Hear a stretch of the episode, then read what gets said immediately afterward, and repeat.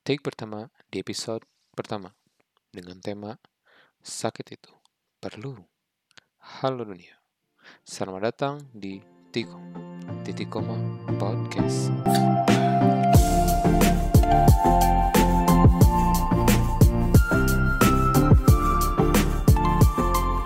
Halo semua, bagaimana kabar kalian? Semoga uh, di hari yang cerah ini, hari cerah, hujan.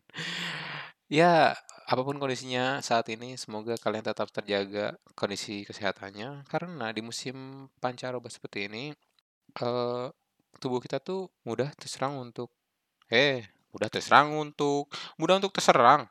Salah kan jadinya. Emang bener harusnya orang habis sakit tuh uh, istirahat dulu full gitu tapi ini malah bikin podcast tapi jujur selama tiga hari kemarin saya kerjaan cuman rebahan rebahan dan rebahan itu karena itu dikarenakan uh, kemarin tuh sakit sih sekarang juga masih sih sebenarnya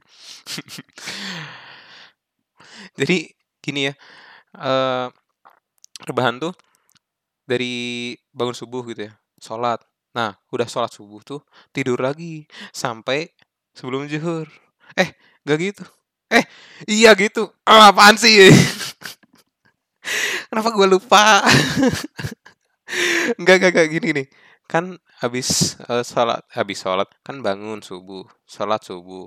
Nah, habis sholat subuh tuh masih melek tuh sampai sekitar jam 8. Nah, jam 8 tuh makan, terus tidur lagi sampai sampai duhur. Nah, udah duhur kan sholat. Nah, habis sholat tuh tidur lagi sampai asar. Terus bangun, terus sholat asar, terus tidur lagi sampai maghrib. Terus habis maghrib, uh, sholat maghrib, terus nggak sih nggak tidur lagi habis itu. Kan nunggu isya, kan tanggungnya cuman beda satu jam kalau nggak salah. Jadi masih melek gitu sambil belum makan sih, makan, makan lagi. Soalnya biasanya makan dua kali sehari, cuman pas pagi sama kalau nggak siang ya malam. Makanya waktu sakit tuh diomelin ampun bukan jadi kasih pertolongan. Ayo nak sini. Kita ke uh, klinik terdekat. Kita cek kondisi kamu bagaimana. Namun ibu saya berbeda. Ibu saya memarahi saya dengan cara seperti ini. Kamu makanya makan tuh yang banyak. Sehari cuma makan dua kali. Pulang malam gadang terus. Mau jadi apa? Enggak enggak enggak kayak gitu. Cuman ya cuman dia marahin biasa gitu. Kamu ini udah tahu kerja pulang malam makan gak teratur. Kamu mau usus kamu lengket? Astagfirullah disumpahin pak. Usus saya lengket. Bu, tolong doakan kalau anakmu sakit ini. Semoga ya Allah anakku cepat lekas sembuh. Malah didoain, kamu mau usus kamu lengket. Nanti kalau saya sakit, ibu juga repot.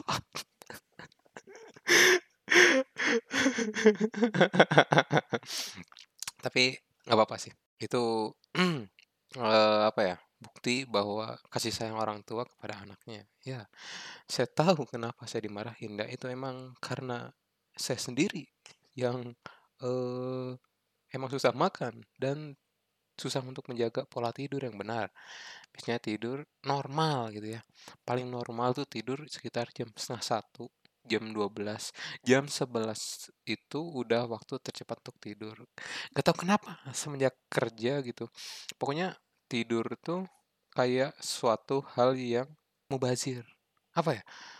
Pokoknya tidur tuh kayak Um, buang-buang waktu ibaratnya. Apalagi waktu Sabtu Minggu dipakai kuliah. Aduh, Pak. Biasanya saya Sabtu Minggu itu bisa ngerjain freelance. Sekarang tidak ada. tidak bisa mengerjakan freelance karena saya kuliah di Sabtu Minggu. tidak ada uang tambahan. Miskin saya.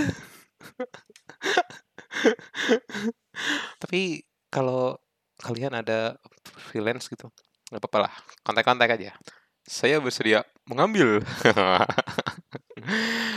Balik lagi ke topik. Jadi pokoknya waktu sakit itu cuman bisa rebahan doang. Ya jadi intinya rebahan seharian. Gimana nggak pusing anjir?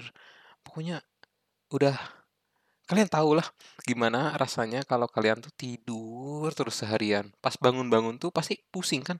Nah kayak gitu. Cuman di sini tuh pusingnya tuh dua kali lipat soalnya ditambah pusing gara-gara sakit nah ini dia yang jadi masalah saya pusing, tidur kelamaan, nggak tidur, saya pusing, tidur saya tambah pusing, pas bangun tidur lebih pusing. Ah, sakit itu pusing. Terus nih ya, kan ada temen gitu ya, kasih saran gitu. Coba ini minum eh, susu beruang, Bear Brand gitu. Biasanya kalau sakit tuh tinggal minum Bear Brand, terus beberapa jam kemudian sembuh. Nah, bodohnya saya. saya malah mengikuti apa yang dia sarankan. saya itu beli Bear Brand dua kaleng, saya minum, terus saya tidurin. Bangun-bangun, saya tetap pusing, malah tambah pusing. Badan tuh malah tambah makin menggigil, terus makin lemas. Pokoknya ya makin parah lah. Susu beruang itu bukanlah sebuah susu yang bisa mengobati semua masalah, eh semua masalah, semua penyakit. Jadi tidak set- eh, tidak selamanya susu beruang bisa mengobati penyakit-penyakit tertentu. Coba Anda kanker terus Anda minum susu beruang, apakah kanker Anda hilang? Tidak. Nah, terus ada teman nyaranin eh, untuk beli atau minum eh, ini si 1000 gitu. Bodohnya saya, saya ngikutin juga ini saran teman yang satu lagi. Oke lah, terus saya beli eh si 1000 terus saya minum. Nah, udah gitu sama aja hasilnya. Seperti susu beruang yang tadi, tidak ada perubahan signifikan. Badan saya masih tetap menggigil dan saya masih tetap pusing.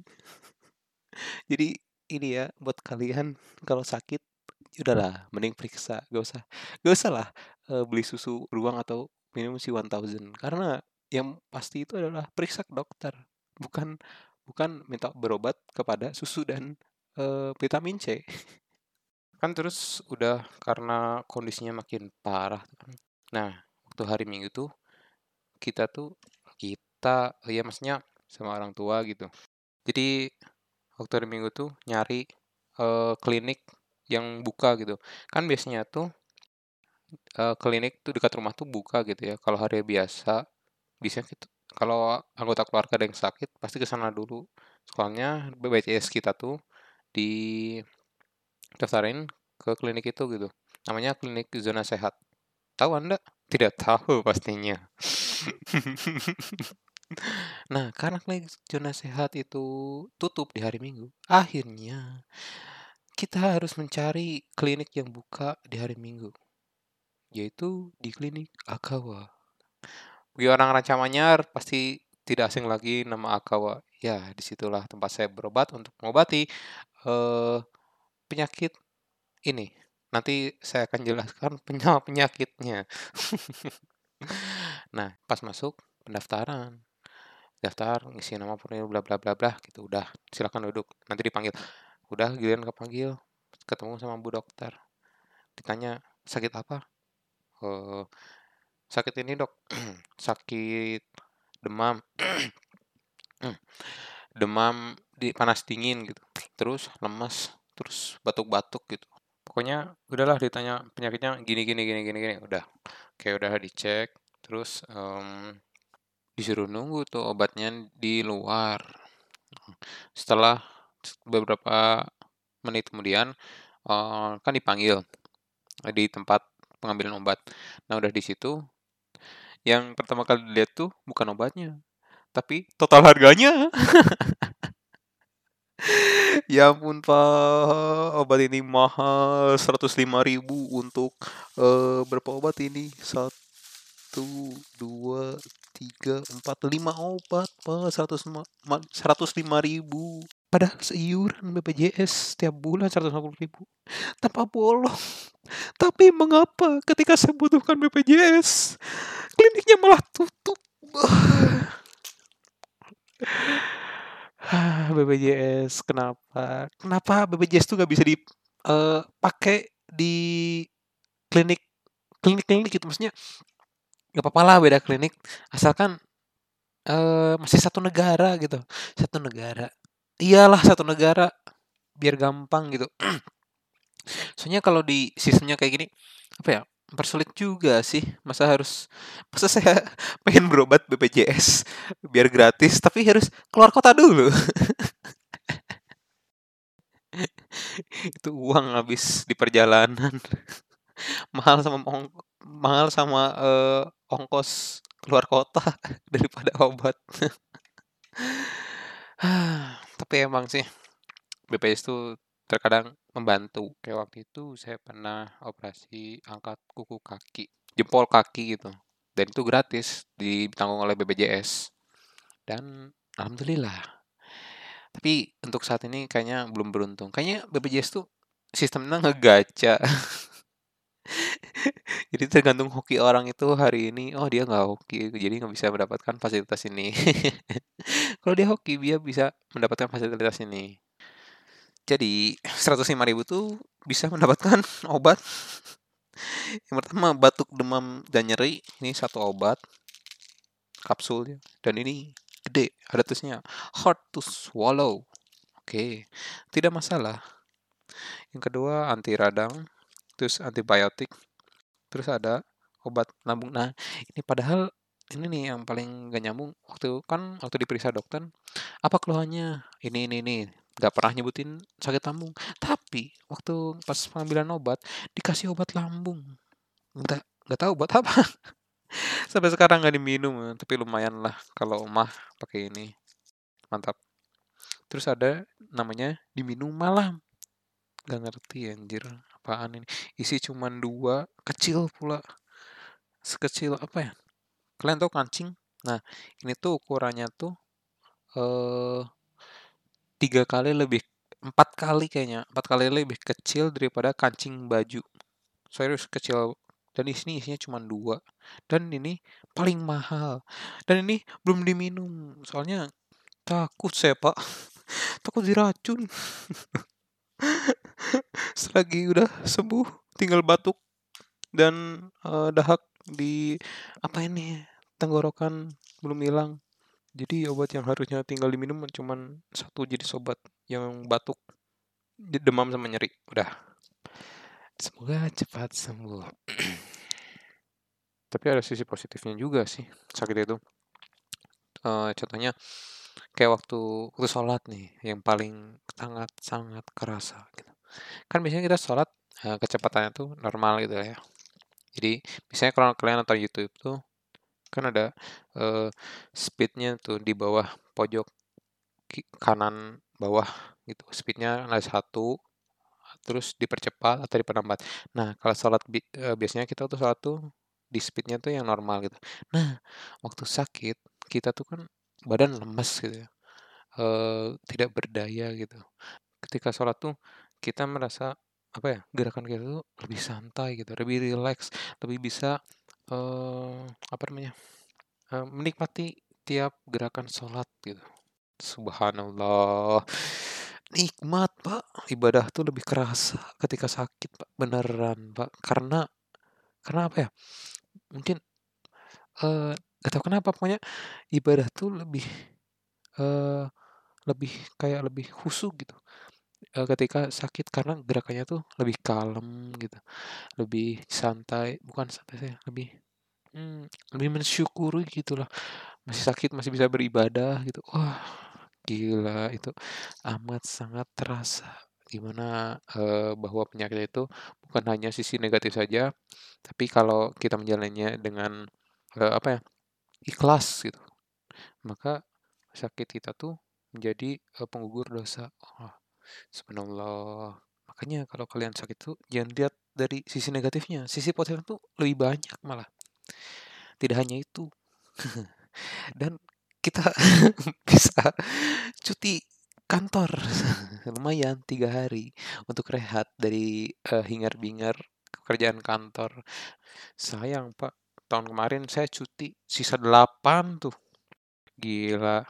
Soalnya waktu tahun kemarin tuh emang bener-bener gak pernah cuti kerja tuh. Jadi gak tahu kenapa ya kayaknya emang passion sih. Jadi cuti itu apa ya kayak gak perlu gitu. Pokoknya dulu tuh bukan dulu sih, tahun kemarin tuh, eee, tiba-tiba akhir tahun dan lihat, eee, jumlah cuti, wah masih 10 gila. Harusnya kan 12, 12 tuh udah kepotong sama cuti apa ya, mmm, cuti akhir tahun sama lebaran tuh, jadi 10. Nah, jadi saya tuh ngambil 2 hari waktu akhir tahun, jadi sisa 8. Yah, sangat disayangkan. Kalau bisa diuangkan mah, oh tidak apa-apa, tidak masalah. Dengan senang hati saya menerima. Saya lebih baik tidak cuti. Tapi ya udahlah, tidak apa-apa. Mungkin ya emang sih, eee, lagian mau apa gitu cuti. Waktu itu mikirnya, mau apa lagian cuti, ya udahlah daripada cuti, mending kerja. Nah, pemikiran kayak gitu tuh harusnya dibuang jauh-jauh. Soalnya kita tuh ada jatah cuti itu emang harus dimanfaatkan karena ya rugilah kalau nggak dipakai. Dipikir-pikir ya emang rugi sih. Harusnya bisa liburan selama 12 eh selama 10 hari gitu ya, selama setahun. Kan lumayan, bisa dipakai tidur, bisa dipakai nonton, bisa dipakai, eee, rebahan, bisa dipakai, eee, buat hiking-hiking gitulah, bisa buat pakai jalan-jalan gitu sama siapa pun itu, pacar lu, pacar orang, pacar tetangga, apa pun itu. Tapi sayangnya saya bukan orang gaul. Saya kalau liburan, tidur. Jadi misalnya kalau kalian, eee, sedang liburan atau mau liburan, bukan sed bukan sedang sih, kalau misalnya kalian akan liburan gitu, mending ajak saya lah, iyalah teman-temanku, ajak temanmu ini, Iwan, untuk liburan bersama kalian, karena dia jarang liburan. Kalian nggak kasihan apa kepada dirinya? Karena ketika dia liburan, dia hanya tidur, tidur tidur dan tidur. Anak rebahan sekali.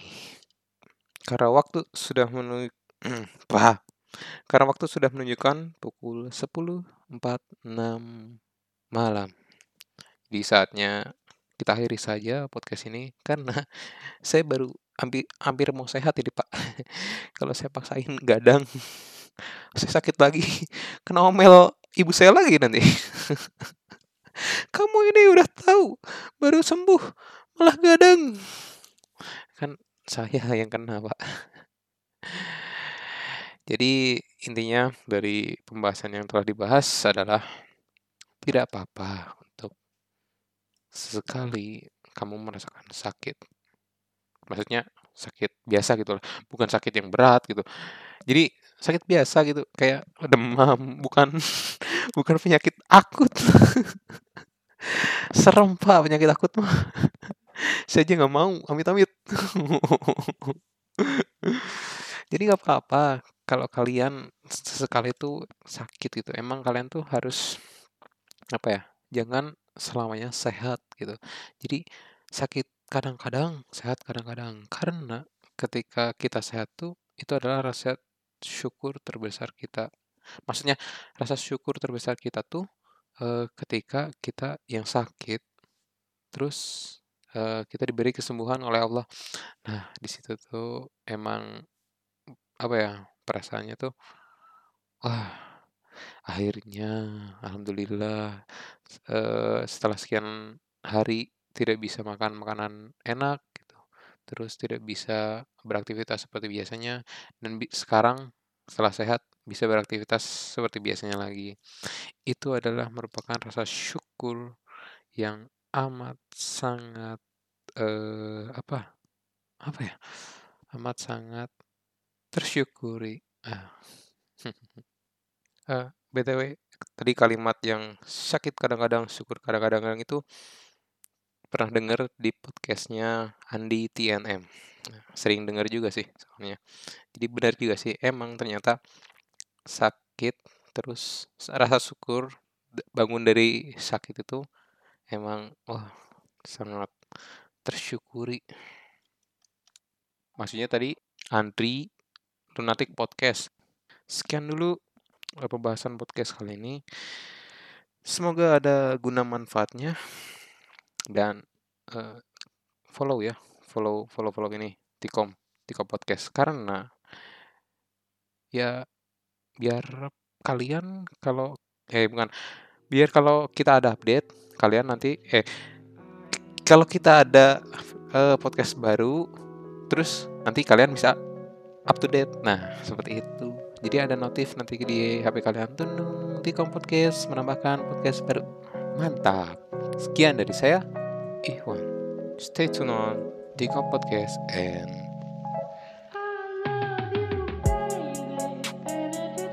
saya berguna kok kalau kalian ajak saya liburan Gak kan ada ruginya kok. Saya bisa jadi driver, saya bisa jadi fotografer, saya bisa jadi video maker, saya bisa jadi illustrator, saya bisa jadi programmer.